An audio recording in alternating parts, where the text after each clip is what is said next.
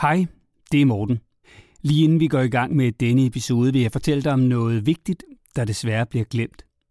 For lige nu haver den værste sult- og tørkekatastrofe i 40 år landene på Afrikas horn, og 2 millioner børn risikerer at dø af sult. Derfor har SOS Børnebyerne lavet podcasten Hvad rager det mig, der fortæller om den glemte katastrofe, og hvad du og jeg kan gøre for at hjælpe. Og en hjælp kan faktisk være bare at tale med vores børn om, hvad der sker på Afrikas horn. Det kan du høre i podcasten, der blandt andre præsenteres af Jussi Adler Olsen, Mille Gore og Lars Brygman. Podcasten hedder Hvad rager det mig, og du kan finde den i din podcast-app. Jeg håber, du vil give den et lyt. Den er umådeligt tankevækkende, særligt som forældre. Søg efter, hvad rager det mig? Det her er en podcast fra Go Little.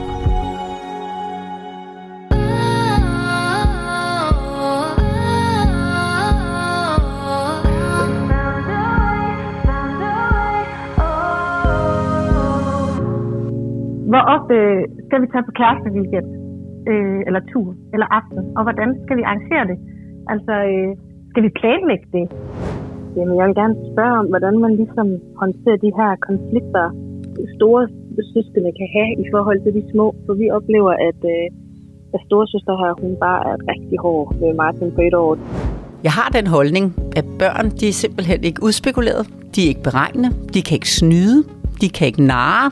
De kan ikke plage. Hvis du simpelthen har et barn, hvor du tænker, I var mit barn plager, så siger jeg i familien, hvad har I i skabet? Okay, tag det væk, så stopper det.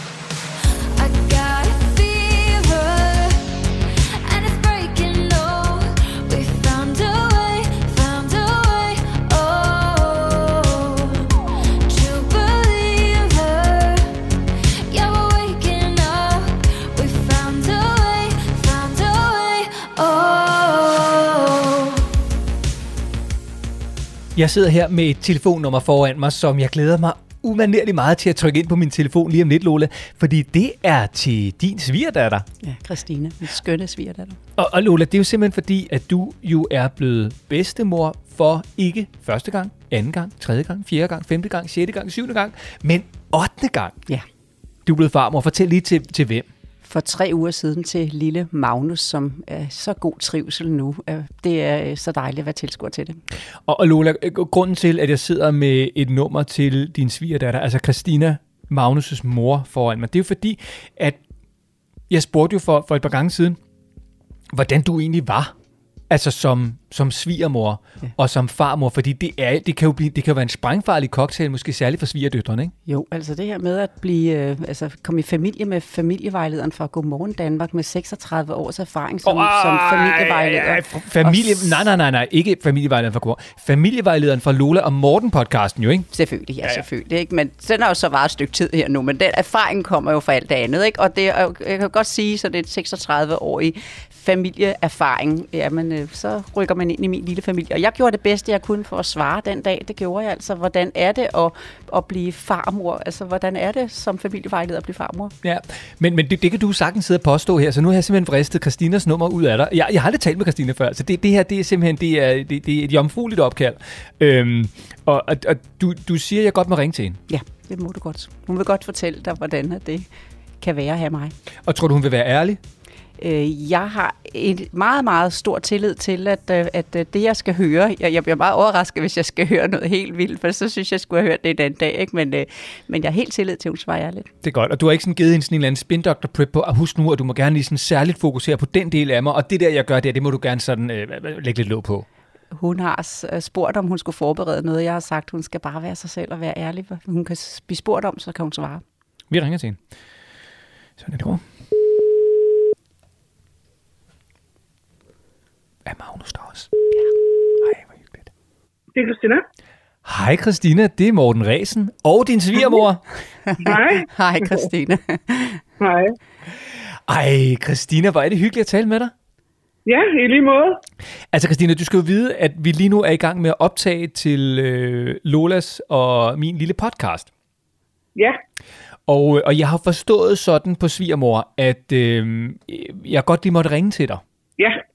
Og det, jeg skal bare lige høre, øh, Magnus, og tillykke i øvrigt. Tak. Hvor er det dejligt. Hvor- Hvordan er Ja. det nu, og nu skal de, øh, nu, nu, hvordan er det nu i, er det nummer, det er nummer to, ikke? Magnus er nummer to, ja.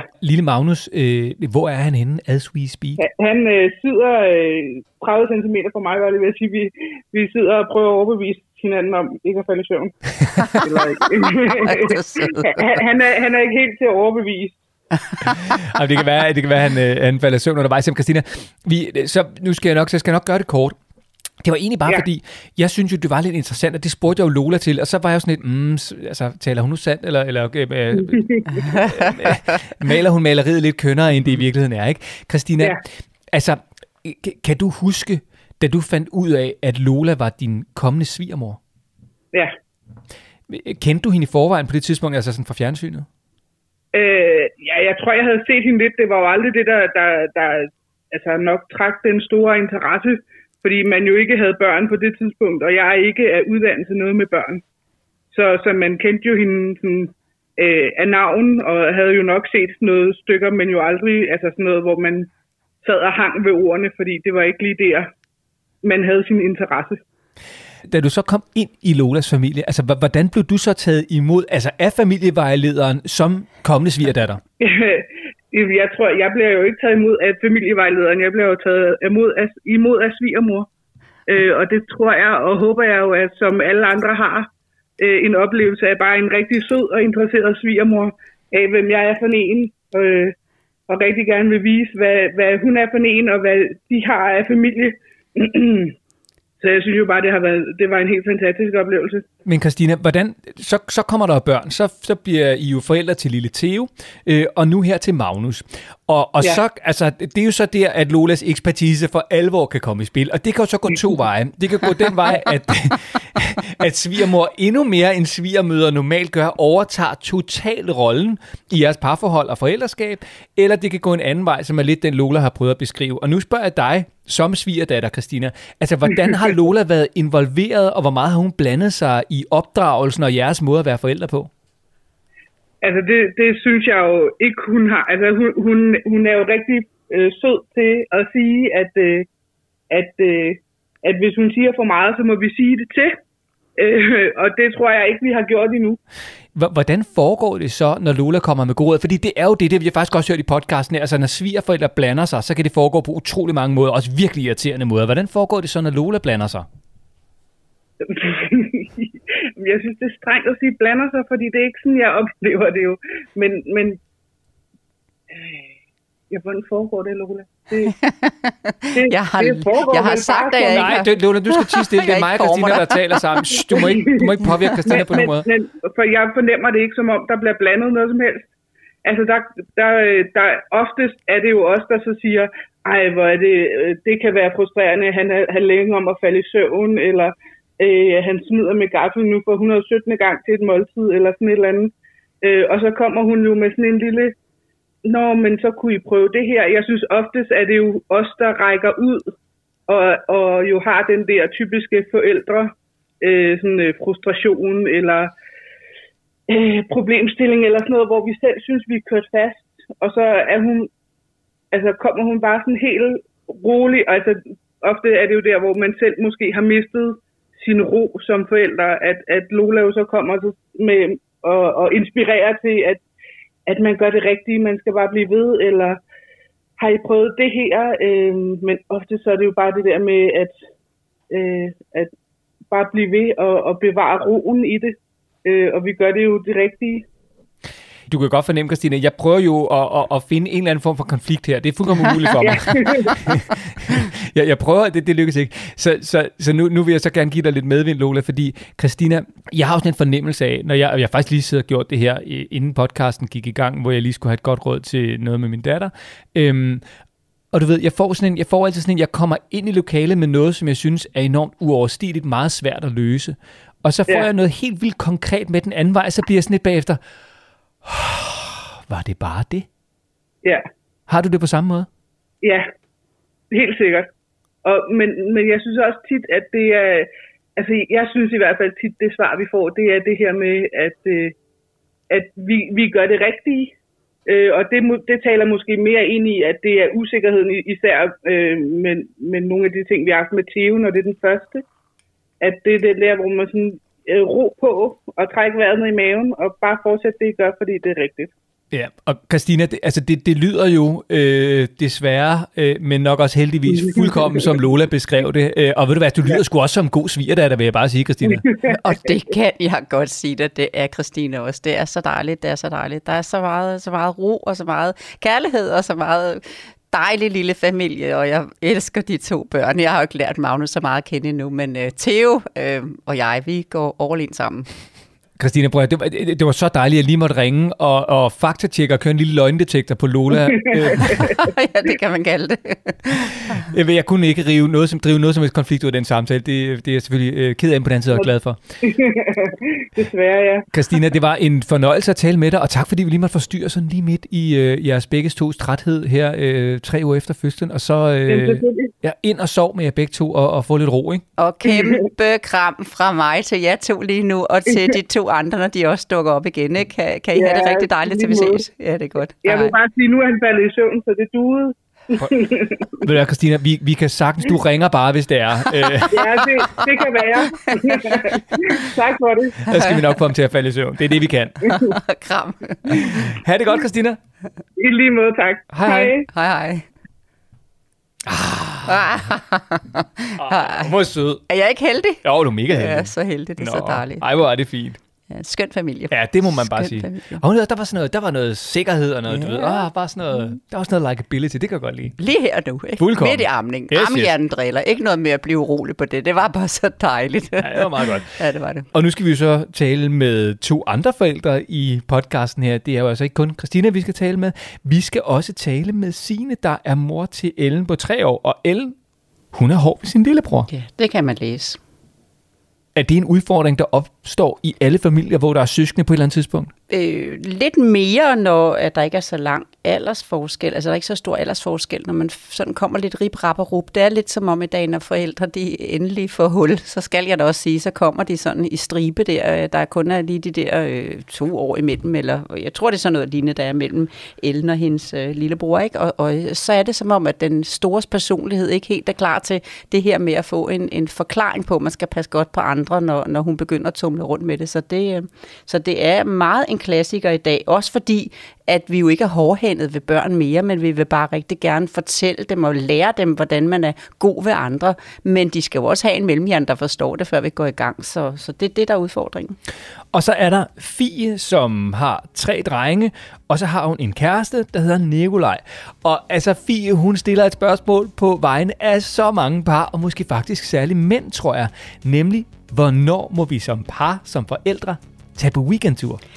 Mm, også det der med, at det kan være en, at der er en vigtighed i det. Jeg synes faktisk, det er det, der kommer med her nu. Altså, betyder det noget? Har, har det et formål? Er det, er det godt for os? Er det nødvendigt at tænke, at vi skal lægge det ind i vores program? Jeg synes, det er særligt den vinkel, vi skal have i dag. Og du får selvfølgelig svarene på spørgsmålene og alle Lolas råd i denne udgave af Lola og Morten.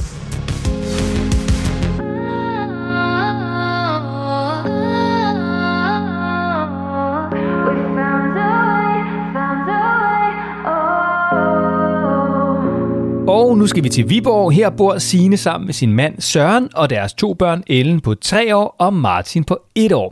Hej Sine og velkommen til Lola og Morten. Hej. Signe, du har jo lige været på barsel med lille Martin på et år, men det er faktisk ikke rigtig ham, som spørgsmålet øh, handler om, og så lidt alligevel, men det tager udgangspunkt i Ellen på tre år. Hvad er det, du gerne vil spørge om?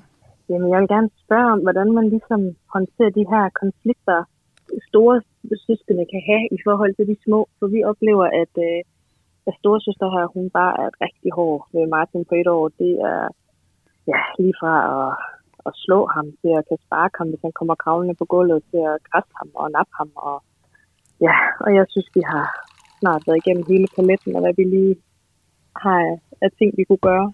Signe, kan du prøve sådan at beskrive nogle konkrete episoder, hvor at Ellen sparker eller slår eller siger grimme ting til Martin? Jamen, hun siger så ikke så meget, fordi hun er lidt bagud i hendes sprog. Så det, øh, jeg- jeg tror nogle gange også, det kan være et udtryk for, at, at hun har frustrationer, hun ikke kan komme af med, og så kommer det igennem øh, på den måde. Men øh, jamen, der er ikke rigtig nogen øh, sådan rød tråd i det, for det har jeg også sådan prøvet at gennemskue, om det er, når han kravler hen til hende, eller hvis vi sidder med ham, eller et eller andet, og det kan være i alle situationer. Det kan være, at sidder han i hans højstol og leger med noget, så kommer hun lige forbi, og så kan man lige se på hende. Så får hun lige så et bestemt udtryk, og så skal han lige have et dask eller nappes, eller og, ja, i morges her, der sad jeg med ham og var ved at give ham overtøj på, og min mand var ved at give hende overtøj på. Og så går hun forbi ham, og så får han lige et dask. Sådan. Og, men, men så går der 10 sekunder, så står de og kigger på hinanden, og så er de ved at dø af grin over, at den ene siger en lyd, og så begynder den anden at sige den samme lyd. Så det er jo ikke, der er jo ikke sådan, at hun er irriteret på ham hele tiden, for de kan også sagtens lege at have det sjovt sammen. Men der har bare været rigtig meget af det her, øh, ja, nappen og krassen og slåen på alle mulige tidspunkter, uden øh, den helt store røde tråd. Hvornår startede det? Jamen, ja, altså hun, hun krasser ham faktisk næsten, øh, da han, jeg tror han var en uge gammel, der fik han den første rift. Men det er sådan ligesom, øh, jeg har taget til her de sidste måneder, og så synes jeg faktisk, det eskalerede, da jeg startede på arbejde igen. Så jeg tror også, der har været måske en, øh, en reaktion på, at nu kom vi ind i en anden rytme. For jeg synes også, det er så blevet en lille smule bedre her den sidste uge. Der, der har han trods alt ikke haft øh, mærker i ansigtet, øh, som han har haft øh, ugerne før, hvor han simpelthen har haft øh, krassemærker en gang imellem. Øhm, men det har, sådan, ja, det har nok været der lidt hele tiden, men man er sådan eskaleret de sidste måneder. Sine, hvordan påvirker det her dig som mor? Oh, jeg, jeg bliver jo ked af det, både fordi altså, det er jo begge to mine børn, og han er jo min lille dreng. Så når han så øh, bliver slået og sparket, så, og så bliver jo den sure mor, der også skal ud, og det gider jeg jo heller ikke at være. Og jeg synes, jeg har både prøvet at skælde ud og fagne og være forstående og sige, ej, det kunne godt se, nu bliver han ked af det. Uh, det er ikke så rart. Og, og så, når jeg ligesom tager den hat på, så store tuder hun og kan slet ikke være i det, og så skal man trøste hende, og ja, så det er sådan, det er opslidende at være i hver dag hele tiden, synes jeg. Har du fået råd fra nogen tidligere til, hvordan du kunne håndtere den her situation? Jamen, jeg har spurgt øh, ja, dagplejemoren øh, Martin, han går ved, og hun har sagt, jamen, og det er den samme dagplejemor Ellen også har gået ved, hvor hun har sagt, jamen, de er vant til, at, øh, at hvis børn er ved at komme op og slås, så siger hun, de skal være gode venner. Og, og den sætning kender hun, siger hun så endelig den, og jeg har, jeg synes, jeg har sagt gode venner en million gange, og hun er fuldstændig græskatolsk, når jeg siger det. Øh, og, ja, og pædagogerne har sagt, at jeg skal ligesom prøve at, at aflede, så det er i hvert fald ikke ansigtet, som siger, at jeg må af ham ned på benet. Det synes jeg heller ikke, jeg sådan er, er noget igennem med overhovedet. Øh, jeg roser hende så rigtig meget, hvis hun på eget initiativ øh, giver ham et knus, eller kysser ham, eller kommer med et eller andet til ham, så bliver hun jo simpelthen rost, fordi jeg tænker, at jeg skal også fremelske det, jeg gerne vil have. Altså, men jeg, jeg synes ikke, jeg sådan kan se, at det er sådan det helt store, det hjælper. Så kan jeg sige, så, så er det måske meget godt, at Lola har siddet og måske viret en lille smule med hovedet, og måske har set ud, Lola, til, at det i hvert fald ikke er de råd, som du sidder inde med. Jamen, ved du hvad, Signe? Jeg kan jo høre, at jeg har en samtale med en rigtig, rigtig dejlig mor. Og øh, jeg kan også godt øh, høre og læse, at I har godt nok skiftet meget imellem, øh, hvad I gør. Og nu kommer jeg bare med en eneste sætning, og jeg tror endda, at jeg kan overraske Morten ved at være så kort i det, jeg giver tilbage, fordi det her handler faktisk for din datter kun om én ting, og det er at få jer, få jeres opmærksomhed. Hun går igennem Martin for at få jer. Altså når hun synes, hvad, hun har ikke bestilt sådan en lillebror, hun har været godt to år der, da hun fik ham. Hvem i alverden slæbte ham med hjem, hvis du ikke har født derhjemme, ikke? Altså det var ikke noget, hun kunne komme i tanke om. Kan du ikke lige tage tilbage og aflevere ham, sådan, så jeg kan få jer fuldt ud, ikke? Og øh, jeg er så selv også lige blevet, øh, blevet øh, farmor jo, og, og, øh, og til Theo, der er to-tre kvarter, så har sin øh, lillebror nu. Og så sagde jeg lige så stille til dem lige der, husk nu, hvis at øh, storebror kommer til sådan at røre, eller ved uheld komme til at ramme ham med en klods, eller et eller andet, i sin iver og sin kodhed, eller kramme lidt for kraftigt, lidt for hårdt, så ignorer, afled, find på noget andet, så han ikke opdager, at han har en uhensigtsmæssig adfærd, som han kan kalde til samling på. Og det præsterer de lige nu. Jeg kan godt høre, at de måske kan sætte og se, de måske kan, kan fortælle, at de, åh oh, nej, de bebrejder sig selv og hinanden lidt, når det kommer til at nå at ske. Altså med sådan en lille en på tre uger, der ligger derhen og lige kommer til at få en klods i forbifarten. Ikke? Men de skynder sig at aflede og trøste og dreje i andre retninger, sådan så ikke at det der uhensigtsmæssige, nej, af, prøv at forestille dig, nogle gange, når jeg har mødt nogle børn på halvandet år, som, som slår forældrene, så siger forældrene, nej, nej, det må du ikke, det må du ikke. æh, æh. Og så går børnene hen lige i øjeblikket efter og siger dunk oven i hovedet på dem, og forældre siger, øh, øh, siger til børn, barnet jo til forældrene, æh, æh, står de, æh, Hvis de tager hånden ned i pottemulden, og forældre siger, au, au, au, au, jamen så går barnet hen til pottemulden og siger, au, au, au, au, fordi de tror, sådan skal pottemuld sige. Så det er faktisk en fejlkodning af hende, et virusprogram, vi har kommet til at lægge ind dengang, da hun blev storsøster og ikke havde sproget og ikke kunne fortælle jer, at nej, hvorfor mor skal du sidde der og arme eller give flaske, eller hvad du nu har gjort, ikke? Fordi nu vil jeg have dig, ikke? Men det kan du sørge ikke få lige nu, Ellen, fordi nu skal jeg jo lige give lillebror noget mad, og så har hun opdaget, at hvis hun dasker ham, så var du der lige med det samme, og så hun kommet til at lære, gennem dask kan hun få jer. Ja, men det giver også god mening. Altså jeg vil så sige, jeg synes nogle gange, så, så altså når hun så nærmer sig ham, så kan jeg godt se, om er det, øh, har vi, er vi i krig, eller er det fredstid, fordi hun får lige så et bestemt ansigtsudtryk, inden hun så øh, øh, daffer ham en. Altså, så, så der kan jeg sådan ligesom læse hende om, ja, hvad er vi lige ude på. Men nu er det jo også bare blevet en vane for hende. Altså efterhånden nu, så Ja, bliver det bare, når man går forbi. Så nu kan du ikke engang se det i ansigtet på hende mere. Nu kan du ikke engang regne med mere, når hun har gjort det så lang tid. Han er jo et år nu, så hun har gjort det længe. Så du kan ikke engang regne med, om det er for at få jeres opmærksomhed. Eller det er bare sådan en vane. Altså når man går forbi ham og sparker ham, så siger han en lyd. Altså hallo, lad os lige se, om lyden den kommer igen. Ja, den er god nok. Altså sådan en larmer, når man sparker dem i siden. Ikke? Og oven i købet Ja. får jeg så en, en sekundær gevinst i det, at der kommer en voksen drønende med det samme. Nogle gange giver de mig en, en, en masse snakker af, at jeg er ked af det, og jeg skal trøste, og jeg skal sige undskyld. Andre gange får jeg en time-out, og hvad det nu kan være. Men altså, bare vis hende. Jeg, jeg, jeg lover dig, hvis du de næste øh, 14 dage, en måned, afleder, afleder. Hvis det sker, så tager du ham og trøster ham. Afleder, afleder, anviser, hvad hun gerne må. Så I om på den anden side, og så gør hun det ikke mere. Men når du siger, gør, hvad, altså som vise hvad hun gerne må, er det, altså, det synes jeg jo, jeg har på det der med at, at sige, ej, det bliver han ked af, men du må af ham, og det kan han godt lide. Men det er slet ikke det, for I skal gå helt væk. Var Nej. det godt? Var, var det godt, du lige sagde det der? For I skal helt væk fra det. I skal simpelthen nå at være der, inden hun er i nærheden. Når I kan se, at hun er på vej derhen, så drejer I elegant ind foran med et eller andet super forslag til, hvad hun hellere må lave. Eller I tager ham, whoopty, skal du se, Martin. Jeg tror da lige, du trænger til at få tørret munden, sådan så han overhovedet ikke når at komme i nærheden af hende. Altså, hun, hun skal simpelthen mandsopdækkes det næste stykke tid. Og I skal slet ikke det der med AA, for hun står og kigger på sådan en og tænker, ja, ja, AA, det kan jeg da godt, men jeg kan da dunke ham lidt efter, fordi det giver da lidt anden effekt. Altså, han får da meget mere ansigt og sjov og hyl og opmærksomhed for hun også, når hun dunker ham. Altså, øh, jeg får nogle gange nogle personaler, som siger, at når børnene har t- taget månebilen for eksempel, der er fire månebiler i en børnehave, og de dunker barnet, der sidder oven i hovedet, for så at køre fire omgange, inden de bliver fanget ind til en samtale.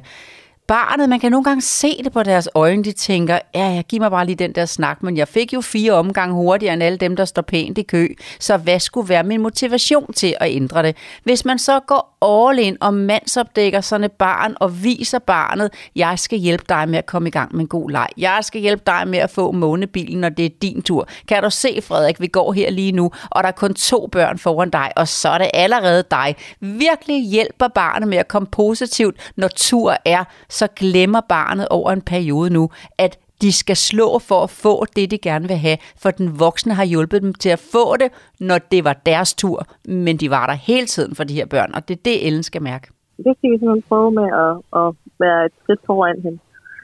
Med hele tiden at, at komme i, i forvejen. Det lyder som om, Signe, at, at det råd, du har fået tidligere i forhold til at aflede 50% af vejen egentlig er rigtigt nok, men hun skal slet ikke hen til lille Martin. Det kører godt for min assistent nu, kan du høre det, Signe? Ja, Nej, fordi, det, fordi jeg kunne godt høre, du, du, du landede lidt i sådan en, jamen, det har jeg jo prøvet, det virkede ikke. Er, er, det, ikke Ja. rigtigt? er det ikke rigtigt? lidt, lidt den Ja. der, hvor man tænker, jamen, det, det, altså, ja, og det skal vi se- helt sikkert arbejde i og prøve at, at komme hende i forvejen. Øhm, Så, men, så, jeg, men jeg synes bare nogle gange, det kan være så svært, fordi den der med, at jeg kan ikke forudsige, hvis nu det var altid, når han kravler hen til hende, så kunne jeg sige, at det, det kan jeg godt forhindre. men det kan bare være i alle situationer. Det kan også være, øh, når hun har stået og tegnet, og han har stået i sin højstol og leget, og jeg står og laver mad, og så er det ikke altid, at jeg lige kan nå at få øh, komme fra det, jeg er i gang med, før at så er skaden sket. Øhm, Så kommer du løbende. Undskyld, ja. I to børn. Der var jeg ikke hurtig nok. Kom, skal du bare se her, Martin. Jeg trøster dig. Nu skal du se, vi tørrer lige dine øjne. Det må I simpelthen undskylde, at jeg ikke lige var der for jer. Sådan, så hun ser, at det var jo faktisk jeres manglende altså udblivelse af at komme hen til undsætning i det, hun gør rigtig meget. Det er den, I skal være der med, og på forkant og hurtigt. Jeg har prøvet det her, jeg, jeg ved ikke, om du kan høre min iver i stemmen, for jeg ved bare, jeg har prøvet det så mange gange.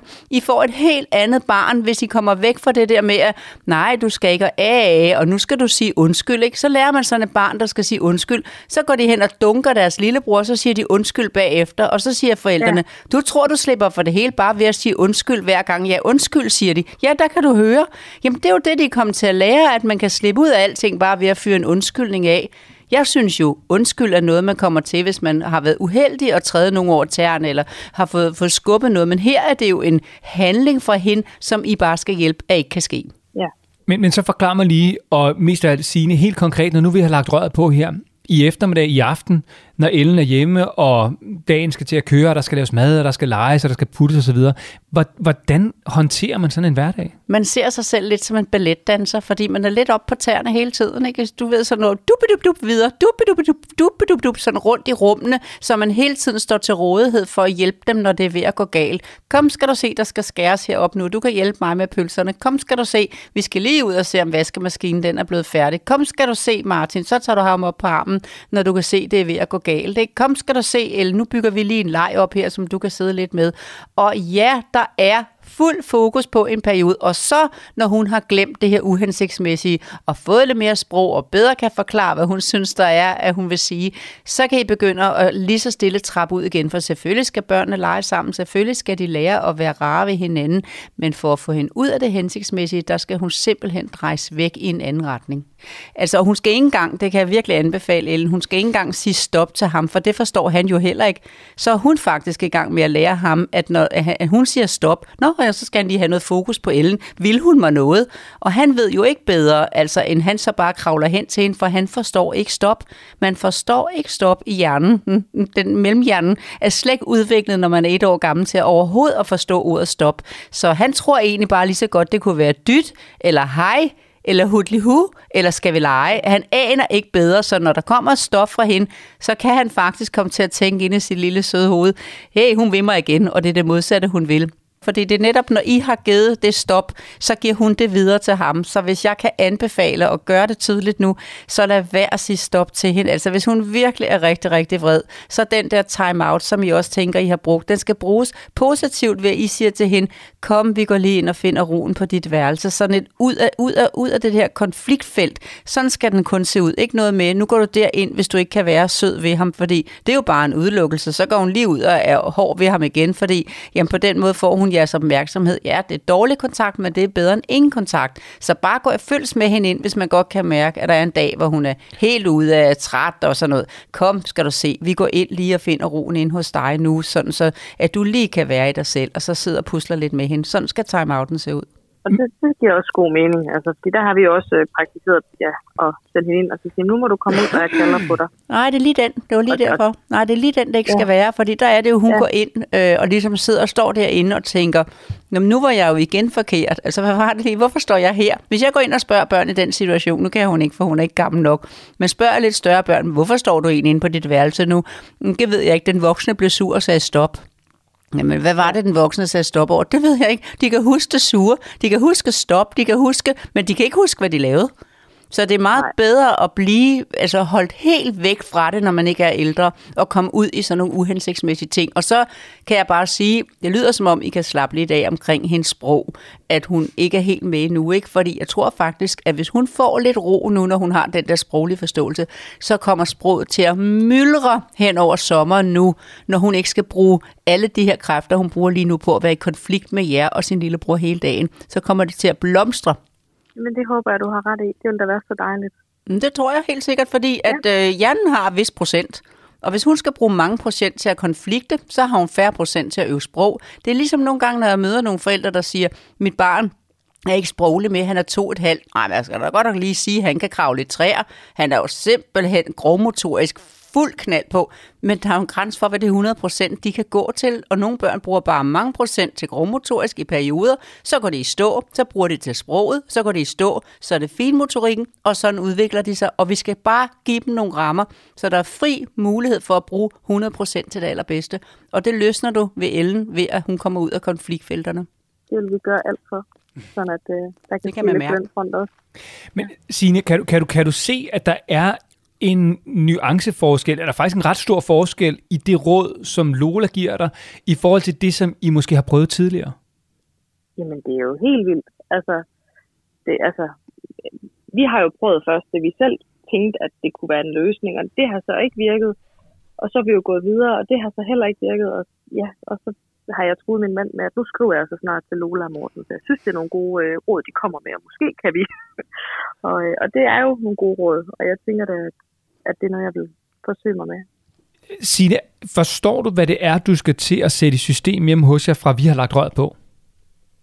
Ja, vi skal jo til at, ligesom at, at være lidt mere over ungerne, altså mm. hele Mhm. tiden, og, og ja, kunne aflede, som I siger, og ja, måske også sådan være bedre til at faktisk at dele os lidt op, tænker jeg, at så, øh, i og med, at der kun er to børn, og vi er to voksne, så er det en til en.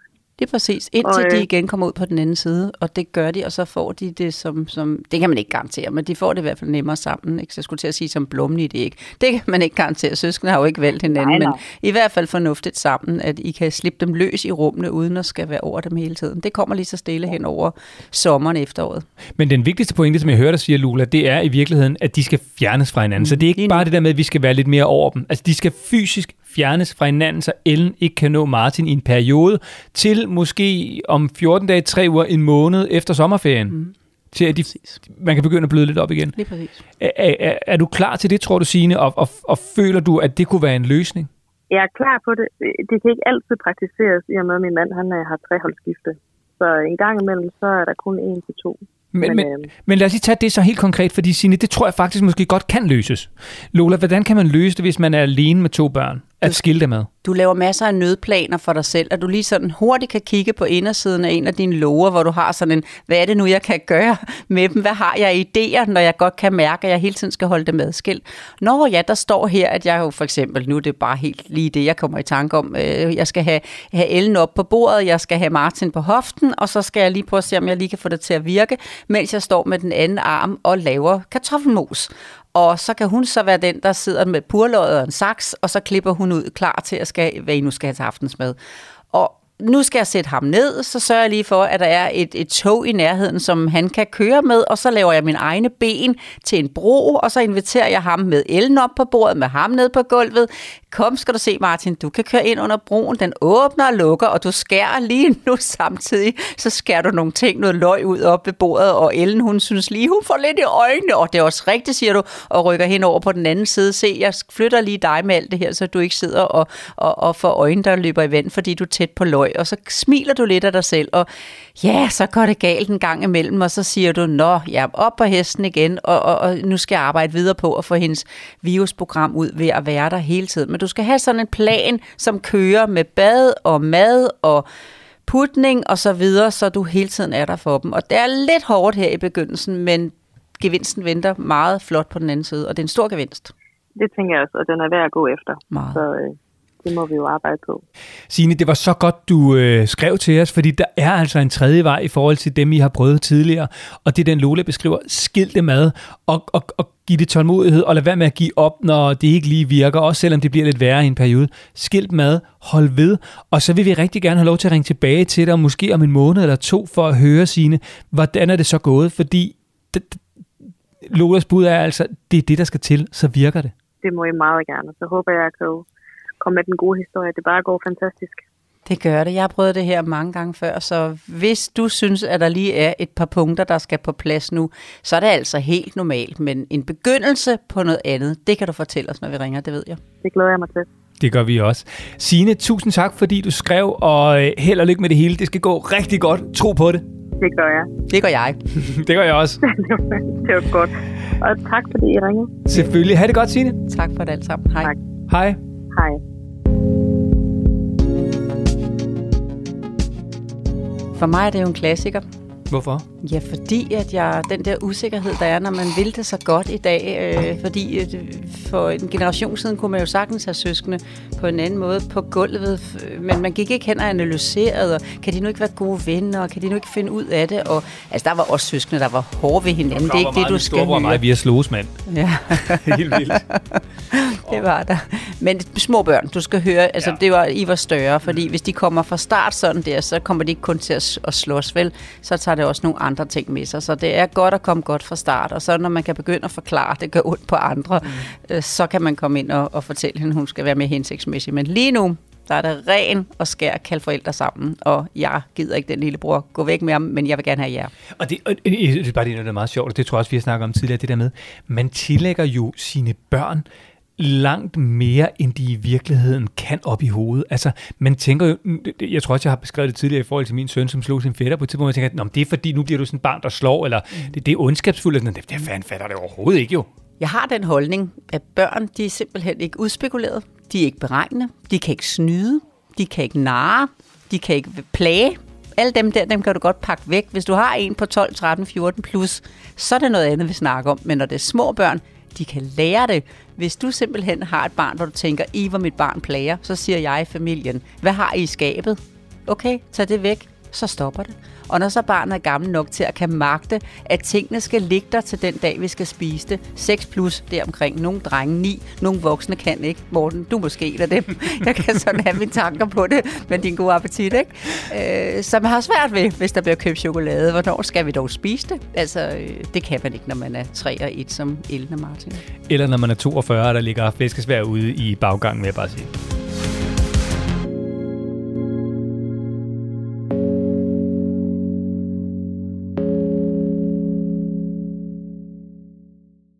Og nu skal vi til Stilling tæt på Skanderborg. Her bor Fie sammen med sin kæreste Nikolaj og deres tre drenge, Alfred på 9 år, Carlo på 4,5 og Lille Geo på 4 måneder. Hej Fie, og velkommen til Lola og Morten. Hej Morten, og hej Lola. Hej så, hej herfra. Og Fie, vi har jo lige simpelthen afbrudt dig i, øh, i brændekløvning. Ja, så kommer tankerne et helt andet sted hen. Og så har du har jo lillemanden Geo på 4 måneder. Øh, hvor er han henne nu, mens vi taler telefon, Fie? Han ligger simpelthen lige ud i sin barnevogn, mm. ude foran huset. Hvor er det Så- hyggeligt. Så han sover endnu. Det er godt. Og så lad os se, om vi kan klare det, inden at Geo han vågner. Fie, hvad er det, du gerne vil spørge Lola om? Jamen, øh, jeg vil rigtig gerne spørge om, øh, når man nu er øh, kærester og har øh, tre børn, eller hvad man nu har, hvor ofte skal vi tage på kæresteweekend, øh, eller tur, eller aften, og hvordan skal vi arrangere det? Altså, øh, skal vi planlægge det? Øh, øh, hvem skal planlægge det? Øh, skal det være sådan noget overraskelse? Sådan noget? Altså, jeg søger nogle gode råd, tænker jeg, i forhold til, øh, hvordan man lige får det gjort. Fordi at herhjemme, der har vi jo egentlig et, begge to et ønske og nogle gode intentioner om, og ved, hvor godt det er for alle parter, både børn og voksne, at vi får brugt noget tid med hinanden, øh, Nikolaj og, og mig. Øh, men så er det bare lige det der med at få det gjort. Fie, du skal bare vide, at jeg har siddet lige præcis med det samme spørgsmål, der hvor du er lige nu. Jamen, så må vi jo bare læne os tilbage, Morten, og høre, hvad Lolo har, Lola har at, at sige til den. Ja, altså jeg, jeg kunne godt tænke mig lige vide, inden vi kaster den over til Lola, Fie. Øhm, Ja. hvordan, hvordan gør I det nu her? Altså nu har I jo tre drenge, så jeg går ud fra, at I har været på kæresteweekend, kærestetur på et eller andet tidspunkt i løbet af de her ni år siden Alfred kom til verden. Det har vi, men jeg tænker, at det kunne vi sagtens gøre noget mere. Altså, fordi når vi har, har været afsted, så, så har det været helt vildt fedt. Altså, for det første har det været fedt for os at være afsted og lige se på hinanden, og det hele ikke går op i praktik og planlægning med børn og hverdag og sådan noget. Øh, men der er også egentlig fedt for ungerne. Øh, hvordan vi gør det, jeg synes tit, det, er- det bliver lidt... Øh, vores venner, der inviterer til et eller andet, eller til et eller andet, så skal vi have ungerne passet, eller vi har noget arbejde, øh, et spillejob i en weekend, eller sådan noget, vi er begge to musikere. Øhm, og så er, det, så, så er det der, ungerne bliver passet, så, så den, den kører også, altså, den dårlige samvid- evige dårlige samvittighed øh, fra forældre, tænker jeg, der er mange, der kan, kan kende derude, men jeg synes bare, det er svært nogle gange, når vi, så har man haft flere weekender, hvor man skulle et eller andet, og så, så sige, okay, nu skal vi lige have ungerne passet igen. Mm. Øhm, så, så jeg, jeg nærmest var øh, skyldig, fordi hvordan vi gør lige nu, det er jo føles som 100 år siden. Nu har vi en på fire måneder. Og, ja. Det kan jeg godt forstå. Og jeg, jeg kender ja. Præcis den der følelse, både af, at man virkelig har lyst til at tage afsted sammen bare som kærester og være sammen i en aften eller en weekend, eller hvor langt det nu måtte være. Men så også den der dårlige samvittighed, der, når man altså, okay, så igen, så beder vi mormor eller farmor farfar, eller hvem det nu måtte være, om at passe vores egne børn, så vi ligesom kan komme ud og passe os selv. Ikke? ja, præcis. Og den dårlige samvittighed, tænker jeg, den kan man både få i forhold til ungerne, men også i forhold til men nu har det lige passet. Mm. det passe igen? Selvom jeg udmærket godt ved, at det vil de altid gerne. Ja, og- og- heldigvis siger, Ja, og faktisk, og faktisk også den der følelse, man nogle gange lidt kan få, selvom de ikke siger det, så kan man godt få den følelse, at så sidder de bare og tænker, at vi er virkelig en totalt sådan vandsmægter vores børn, og det eneste, det handler om, det er at komme til havefester og på spillejobs og på hotelweekender. øh, altså sådan kan jeg jo nogle gange godt tænke det, selvom de faktisk ikke siger noget. Ikke? Og der er jo bare perioder, hvor det kommer sådan lidt mere altså, i hold, at man har brug for hjælp til pasning.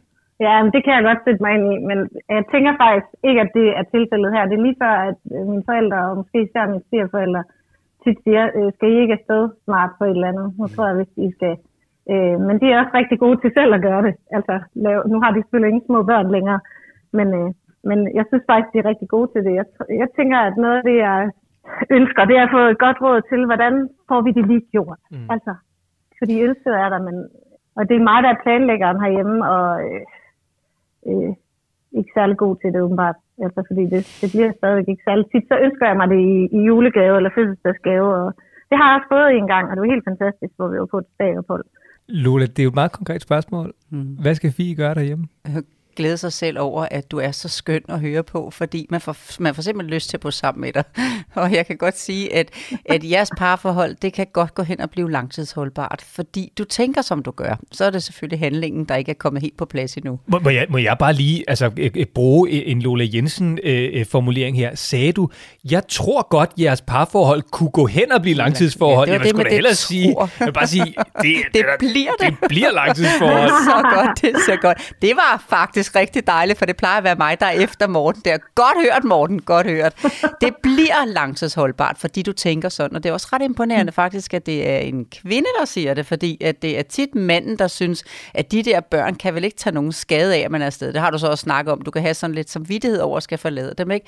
Men det er ja. så vigtigt. Nu er Geo ikke mere end fire måneder gammel, så det er jo ikke så lang tid, I kan være afsted endnu. Men det er så Nej. vigtigt for jeres parforhold, at I får indarbejdet nogle ting. Også det behøver heller ikke at tage mange timer, eller være overnatninger, eller være lang tid væk.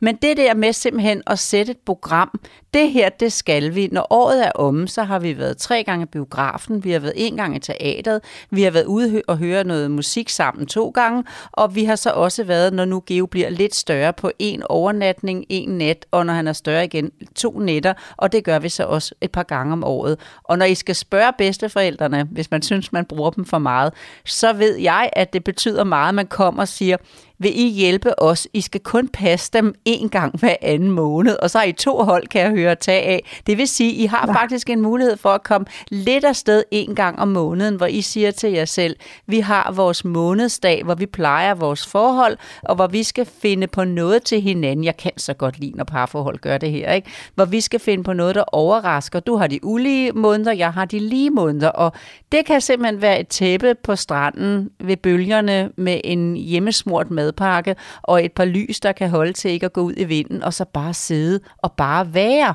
Altså, og så er kunsten selvfølgelig at komme afsted og nyde det ordentligt, når I er afsted. Og der kan jeg faktisk høre, at der er I egentlig meget godt, altså du nyder det, I nyder det, når I er afsted. I får noget ud af det, og så får I givet jeres børn energier. Når I kommer tilbage med energier, så smitter de energier. Det er så god investering i parforholdet at tage afsted en gang imellem. Og jeg snakker ikke om en uge til Paris øh, med et barn på et år hjemme hos bedsteforældre.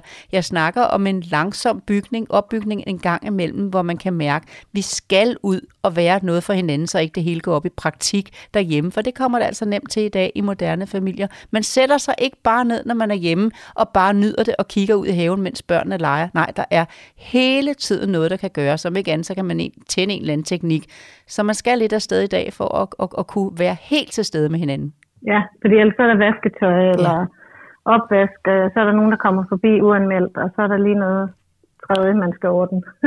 Må jeg, kom, må jeg bare lige Ja. komme med, øh, bare lige fordi, jeg, og nu, der faren ved at komme med, med eksempler fra en hverdag, det er så, at Lola øh, griber ind på et eller andet tidspunkt og siger, ej, det var så helt forkert, Morten. Ej, nu har du lige klaret dig rigtig godt for et øjeblik siden, så du har lidt at tage af på kontoen. det er jeg virkelig glad for. Fordi I har jo altså Alfred på 9 år og Carlo på 4,5. Det er jo de store børn, ikke Fie?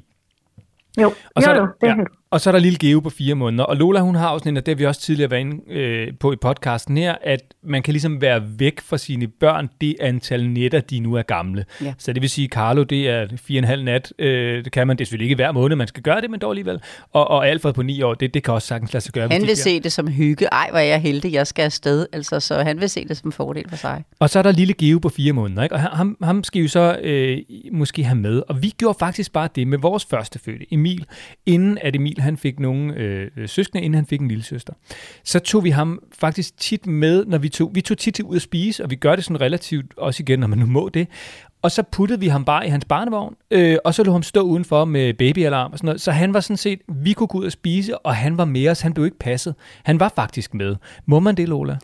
Ah, nu, nu prikker du til mig. Nu var det godt, du havde noget på kontoen at tage af, fordi at Det jeg jeg vil sagde. jo have de der børn derhjemme i deres rolige omgivelser med Men barnevognen er sgu da også rolig. Hvis han er fire måneder. så lige når du sidder der, det er godt gået, hvis ikke han lige præcis, det ved jeg ikke, om du kender Fie, men jeg synes i hvert fald, når jeg ser tilbage på mine børn og børnebørn, at de lige præcis vågner, når bøffen den bliver lagt foran en, eller hvad man nu har bestilt. Ikke? Og så kommer der sådan lidt, nemt sådan lidt frustration, når de andre gæster i, på restauranten, når man skal have et barn ind, og man skal amme lidt, og man skal...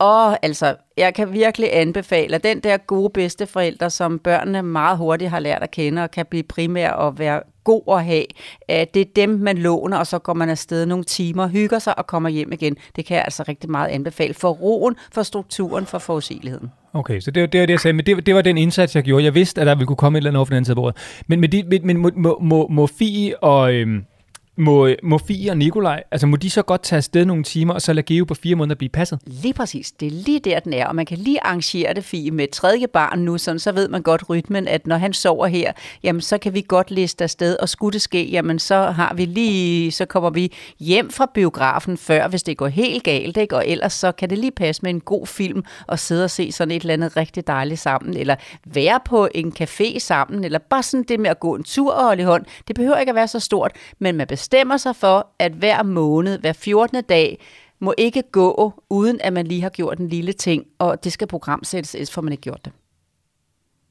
Super. Dejligt råd, fordi det er lidt det, jeg tænker, hvor meget, øh, hvor ofte skal vi gøre det, og hvor ofte kan jeg lige tage en snak med Nicolaj om, at vi skal gøre det, og, og måske putte noget i kalenderen på forhånd. Altså. Yes. Øhm, og, og, og det der, du siger med at tage, tage Geo med, øh, så tænker jeg, at øh, ja, det kunne man godt, men jeg, jeg tænker også, jeg har også hele tiden, noget af det, der gør, at jeg gerne vil afsted med Nicolaj, er for, at jeg selv kan slippe. Det kan godt være, at Geo han vil sove hele perioden, mens vi sidder på restauranten, men at jeg, jeg også kan slippe det i tankerne, og ikke skal hele tiden være, ikke at jeg nødvendigvis er det, men det sidder alligevel i en, når man har sine unger med, at man er, Ja. man er på på en anden måde. Ej, vågner han nu lige om lidt, altså Ja, uden at sige det højt, så, så er den der bare, ikke? også? Vi har nemlig snakket om, at når vi har jamen, så det, der går lige noget tid, før vi sådan ordentligt lige kan tage ud, og nu er der også corona, men alligevel at tage ud og lige høre en koncert eller et eller andet. Så kan jeg sige på den anden side, der venter et langt, langt, langt liv. Så lidt investering nu med lidt plan for at få noget parforhold. Der skal noget, noget liv ind, noget glæde ind, noget, noget tosomhed, noget, noget nærhed, noget kun os to. Der er så mange, der oplever, fordi især moren ikke kan tage afsted. Pludselig så er de blevet til teenager, og så kigger man på sin partner og tænker, er det os to? Altså, det skulle jeg have opdaget for længe siden, at det er dig, jeg er sammen med, og så skal man til at reparere, eller også går de fra hinanden. Så det er godt, at I laver reparation nu. Ja, fordi det er lige nøjagtigt det at huske på, hvorfor er det nu lige, øh, hvorfor er det det også, der, øh, der er sammen og kærester og har fået børn. Øh, hvordan var det nu lige, det var, vi overhovedet lavede de her børn. Øh, så øh, så det, det synes jeg bestemt er vigtigt. Og det er nogle gode råd. Man kan, faktisk, man kan faktisk også godt inkorporere det en lille smule i hverdagen. Det, det har vi faktisk øh, gjort øh, hjemme hos os, øh, når for eksempel, at øh, vi, øh, har, vi kan for eksempel godt lide, du ved, sådan noget, altså tapas og rødvin for eksempel, ikke? Øh, og så en god film eller eller andet. Det, det er ret meget på toppen over. Så vi har tit gjort det nogle gange, at ligesom sige, okay, det er måske fredag aften, eller det kan også være en tirsdag, eller sådan der. Det er ikke lige i dag, ungerne skal passes. Men så har vi simpelthen udskudt vores egen, egen aftensmad. Og så har vi simpelthen købt ind til, du ved, lækker mor og farmad, og så har vi spist med vores unger og så videre, og så har vi puttet dem, og så har vi vidst, at når klokken så blev 20 eller 20.30, så var der simpelthen en date for mor og far nede på sofaen, så var det med tapas og en god film og god rødvin og sådan noget, og så er vi virkelig bare sidde og hygge. Og så bliver man faktisk en lidt kærester derhjemme, selvom børnene de er der. Ja. Øh, lige et øjeblik. Det er Geo. Ja, det er undskyld, Geo. Ja, det er nemlig Geo, der vågner. Ja. Mor, vil du gå ud til Geo? Ja. Tak. Det bestemmer du. Tak. Nå. Og Sådan, det var meget heldigt lige at have en mormor på besøg der. Ja, Værsgo. og lige et kompliment til den der mormor, fordi mine ører, de er jo helt spidse, helt ude i jeres have, det kan jeg godt mærke. Men hun var så sød, så hun sagde, skal jeg tage ham op, ikke? Der var simpelthen så mange bedsteforældre, de gør bare, hvad der, hvad der passer dem. Tænker, nå, om Ja, han skal nok ja. op, eller han skal sove videre, eller hvad, han skal sikkert op, så jeg kan snakke med ham. Men her var der Ja. bare lige en mormor i klasse 1, der sagde, hvad skal jeg gøre med ham? Og så fik svaret, det fik han jo fra, fra moren, der lige Ja. ved bedst, ikke? Så det var rigtig dejligt. Morten, altså, øh, jeg synes, det er en rigtig god idé med den der tapas, vi kom fra med rødvinen. Den vil jeg da gerne give som idé til Fie. Men Fie, jeg er nødt til også lige at få ja. en vigtig ting med, fordi at jeg møder faktisk rigtig mange par i dag, hvor børnene ikke aner, at mor og far er folk, der spiser mad. Fordi at de spidser barnet af med et eller andet slask fra dagen før, dagen før, der når klokken den er 17, og de er sultne, fordi de Morten griner nu. Nej, men det er, nej, det er, det er bare fordi... Det er, Jeg har virkelig det mødt ikke nogen, sådan, som det ikke spiser. Ja, Nej, men du skal vi bare... spiser altid sammen med vores børn. Jeg prøver bare at sige, og vi spiser også altid morgenmad sammen med vores børn.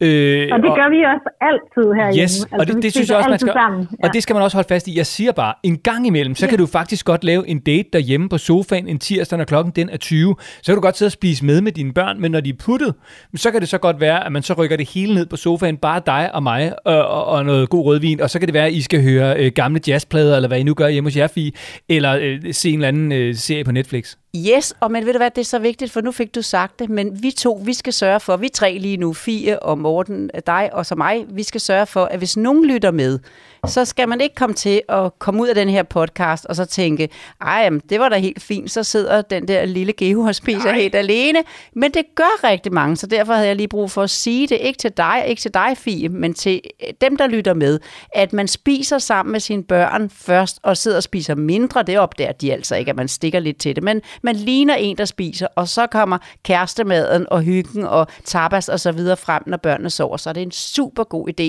at lige sidde der og date der sent, når de sover.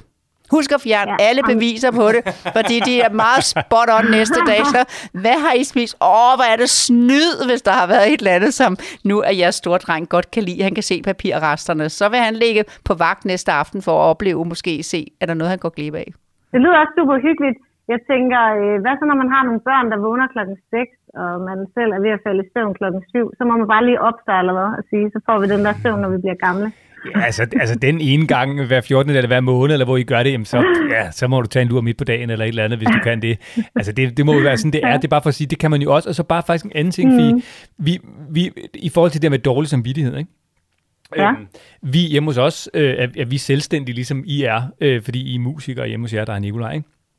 Øhm, mm-hmm. så, så der er jo tit meget sådan skiftende arbejdstider, eller man arbejder måske meget i perioder, og også for meget, synes man selv og sådan noget. Så vi har simpelthen, for at, at, at sådan sætte den der sådan familietid i system, så har vi lavet sådan en familiedag øh, den første søndag i hver måned. Øhm, og den er ligesom hellig til kun vores familie, og så skiftes man så til at bestemme, hvad det er, man skal lave. Så er det øh, den yngste første, Sofia, vores datter, så er det Emil søndag måneden efter, og så er det Marlene, min hustru, og så er det mig. Og så er vi ude og lave alle mulige sjove ting sammen. Det kan være, det, det, det er ikke sådan noget med, at man skal i Tivoli, og det skal være dyrt. Sådan noget. Det er, du ved, sejle i kano, eller spille fodboldgolf, eller øh, ud og lave bål et eller andet sted, eller lave, øh, hvad det nu må være. Det kan også være, at vi skal se Olsenbanden på sofaen, hvis der er nogen, der vil det. Øhm, men, men det er bare... Ej, hvor fedt. Ja, og det er faktisk mega fedt at have sådan en helt fast dag i kalenderen, som man jo sideløbende med jeres kærestedag, som Lola foreslår, det der med hver 14. dag lave et eller andet. Hvis det kommer i kalenderen, hvis I så samtidig putter i kalenderen, at I en gang om måneden altid heldigt hele dagen skal være sammen, kun som familie, og lave noget alle sammen som familie, og så måske skiftes til at bestemme. Det kan godt være lige, at øh, lille mand Geo, han lige skal vente lidt endnu, inden han kan få lov til at bestemme. Ikke? Men, men du Ja. ved, det, det kan faktisk også Men godt hjælpe. Og det gør vi nemlig i forvejen, men jeg kan godt lide tanken om, at, at det bliver planlagt. Ja. Så det bliver synligt Mm. øh, for, for både voksne, men også børnene herhjemme, at hey, her, der er det helliget til, at vi, altså der har vi noget dejlig tid sammen. Øh, og det ved vi, at de har lige meget, hvad der så sker forud. Og det er faktisk ret fedt, også det der med at give ens børn ansvaret for, at de skal bestemme, hvad der skal laves. De ved godt, at, at de må ikke øh, invitere i Tivoli eller på bakken, eller hvad det nu skal være, men men det der med, at de kan sådan gå og sige, åh, nu er det jo min bestemmerdag øh, øh, om to uger, hvad skal jeg dog lave? Øh, hvad skal vi gøre? Jeg har lyst til. Og så også det der med, at, at det man så bestemmer, det skal de andre altså gå med på fuldt ud. Så man lærer også, ligesom har vi i hvert fald fundet ud af, at acceptere, at nå okay, jeg synes måske ikke, det var lige det, der var det fedeste at bruge min søndag på, men det, at du valgt, så ved jeg til gengæld, at du også bakker 100% procent op, når jeg så vælger noget andet om en måned. Ikke?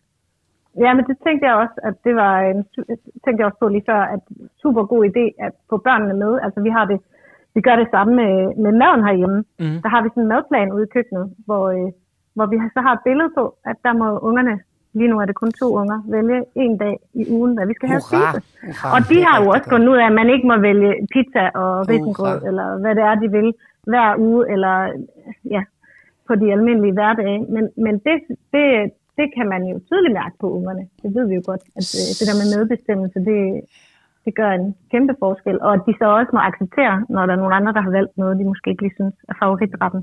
Wow, og det bliver ikke, det bliver ikke spor svært for jer at få et program ud af det her med også at komme lidt ud og så få lavet lidt familieting sådan en gang imellem, hvor I så kan hente energierne og sige, ja ja, men nu kan vi godt tage på kærestetur, fordi nu har vi så også lige haft de der, den første søndag i måneden, eller hvordan I nu kan indrette jer i jeres familie. Ikke? Og så er det bare om at være kreativ og komme med forslag, og nu kom Morten med nogle idéer, og jeg kan bidrage og sige, jamen øh, her hos mig, der har vi en masse spil, jeg- mine børnebørn bor meget tæt på, så hele sommeren, der laver vi faktisk turnering alle mod alle og skriver ned, og hvem der vinder, og så har jeg købt nogle ganske billige spil, altså I kender dem jo sådan noget, det her nu med, med, med, med stangolf, tror jeg nok det hedder, ikke? hvor man smider nogle kugler Stigolf. hen, og stigolf hedder den lige præcis. Det kender vi godt, og det har jeg ude i haven. Altså det er mig, der jeg, jeg hugger både brænde, men øh, laver også øh, stigolf i haven og fodboldmål og sådan noget. Så, så vi elsker at være i haven. Prøv at vi, at det lyder både som, at vi kunne sagtens bare sidde os tre her og, øh, og drikke lidt god rødvin og du ved, spise lidt ost og lidt god pølse og noget, og, og så øh, ordne verdenssituationen, men det lyder også som om, I har et knaldhyggeligt, øh, en, en knaldhyggelig familie, må jeg bare sige. mærke. Så kæresteriet skal, vi bare, kæresteriet skal bare i system, øh, så I også kommer ud og mærker at tusomheden. Og I har begge to lyst, og det var dig, der spurgte, og det bliver så godt. Ja, og så husk at netop prioritere det, fordi jeg har nogle dejlige drenge, men også, også husk kæresteriet, ikke? Det er kun familie, børnefamilietingene. Præcis. Det, så bliver man jo også skør, og så bliver alle parter skøre. Så jeg tror også bare, så, så, så, så det du skal tage med dig her, Fie, som jeg hørte, det er, at sætte det i system, få det i kalenderen, at hver 14. dag, så skal I ud og lave et eller andet sammen. Så er der Nikolaj og Fie timer, eller hvad det nu måtte Og være. hvad altså, er jeres forslag, og så sige, at vi skiftes til det. Mm, det kan jeg godt Hvis lide. nu vi starter med, fordi jeg vil sige, at jeg tror, du, jeg talte, da du nævnte eksempler på, hvad man kunne gøre i løbet af et år, hvor jeg tænkte, okay, vi er i hvert fald op over 10 gange, og så tænker jeg, okay, der er vi, der, der er vi langt bagefter. så øh, jeg tænker bare det der med, øh, måske skulle vi starte med at sige, en gang i måneden gør vi et eller andet. Lige og så sige, altså, tænker, tænker du så, at det er, så kunne man, og det er også for at foreslå øh, Nikolaj et eller andet, at så den ene måned, så er det mig, der siger, nu gør vi det her. Må, må, jeg, må jeg bare komme med et forslag der? Nu Ja. der tager jeg lige styringen her, fordi det, det har vi altså erfaring med hjemme hos os, det der. Lige præcis det der.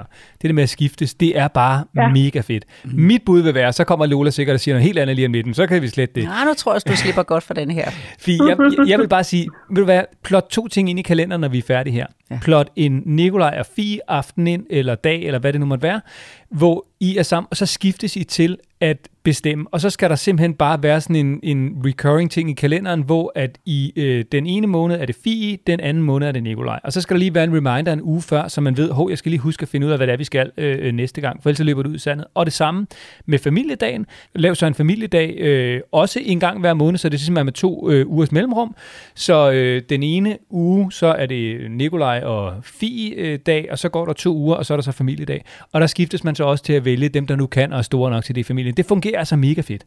Og små bitte Ja, sjove klart. ting, ikke små bitte sjove ting nu her, bare på et par timers varighed, når Geo ikke er så stor en gang om måneden dig i de ulige måneder, og Nikolaj i de lige måneder, og det behøver ikke at være noget stort, det sagde jeg lige igen. Men så når Geo bliver lidt større, han bedre kan tåle, at I tager afsted, jamen så begynder det at blive en overnatning tre gange, fire gange på et år med en nat ude, ikke? Og så, eller øh, I kan jo også være derhjemme, hvor, hvor, øh, hvor, hvor de så rykker ud, når det, at de bliver lidt større. Men sådan en kreativitet, og så ind i system, så I mærker, ah, hvor er det godt. Vi ved bare, at vi skal bare, vi skal være os to, inden der er gået så lang tid, så har vi den igen. Det skal bare i system Ja. i dag, i familier, der har for travlt. Ja, ja.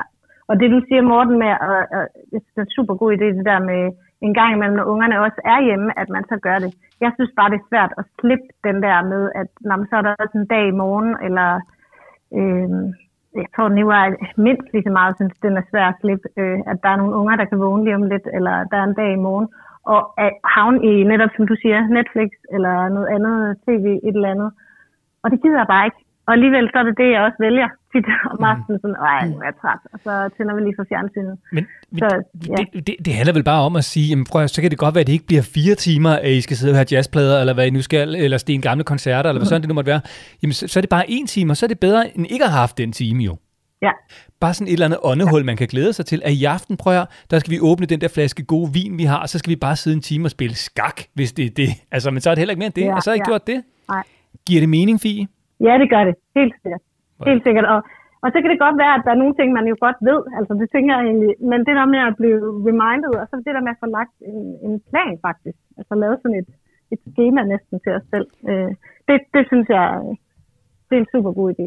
Og det, Det skal det simpelthen vi bare, videre med. det skal simpelthen bare i systemfie, ligesom med alt muligt andet. Alt muligt andet, ja. Og det Det er... bare virke lidt sjovt nogle gange med det der, at man skal det med det. Men det skal man. Ellers ja. så er det det, der bliver glemt. Og Jeg håber, jeg har givet følelsen af, at det er simpelthen okay ikke at få dårlig samvittighed over for børnene, selvom man en gang imellem gør noget for parforholdet, for det er vigtigt at gøre.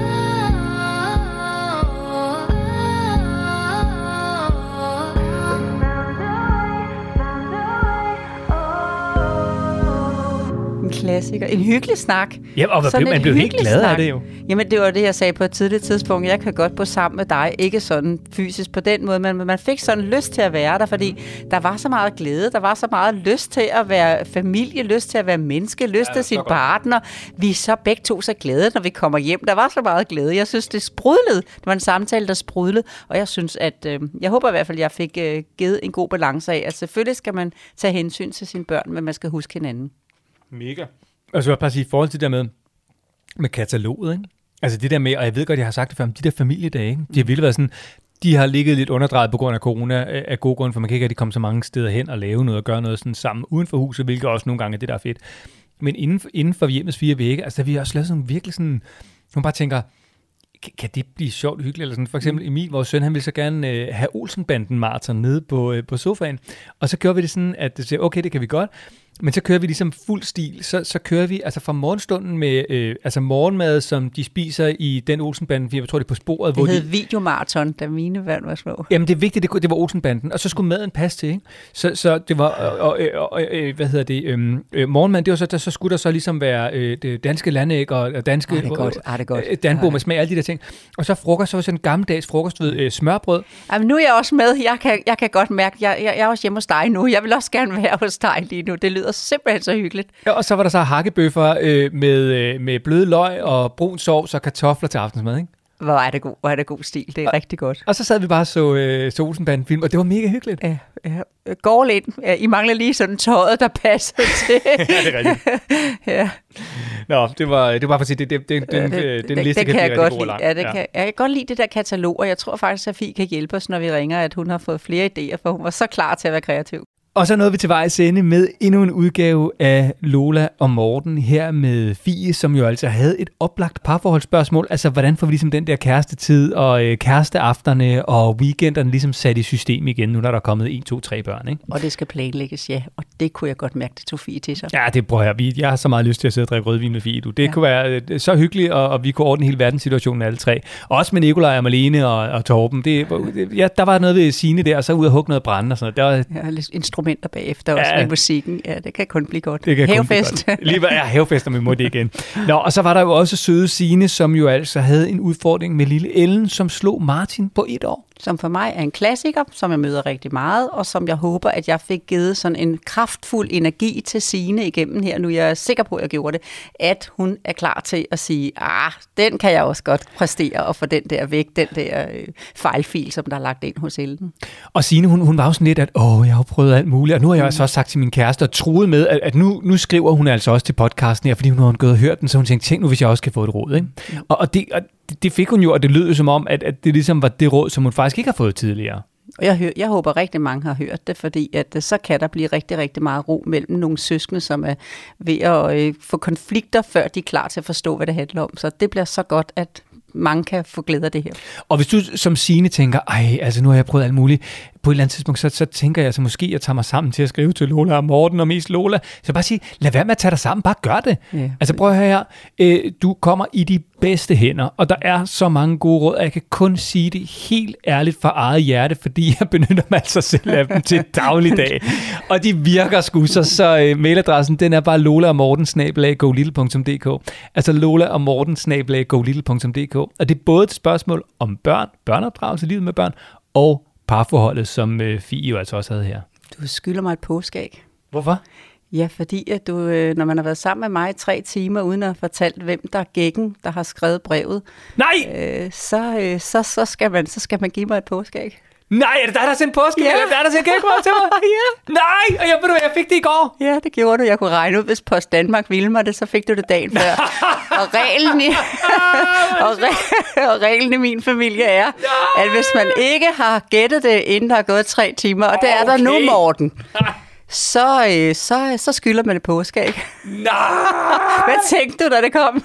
Jeg tænkte, at øh, det var min niæse, fordi jeg begyndte straks, der var skrevet sådan en ubehjælpsom barneskrift. det var der. Det gjorde jeg meget umage. Jeg gjorde mig meget umage med det. Og ved du hvad, jeg tjekkede poststemplet. Så tænkte jeg, jeg tænker, at det er min datter Sofia, fordi hun er virkelig, altså vi har fået, det kan jeg sige, jeg tror, vi har fået et, et gækkebrev fra Sofia. Øh, vi er helt sikre på, selvfølgelig at det ikke er Sofia, men det er Carla, hendes kusine. Mm-hmm. Så hende skal vi selvfølgelig øh, lige have sagt til Carla, har du sendt os et uh, gækkebrev og sådan, ikke? Det har været. Og så fik jeg ligesom nummer to der, ja. og så tjekkede jeg poststemplet, så stod der Tostrup. Det var lidt mærkeligt, fordi det plejer at være sådan noget Nordsjællands postkontor, hvis det skulle være stemplet et sted.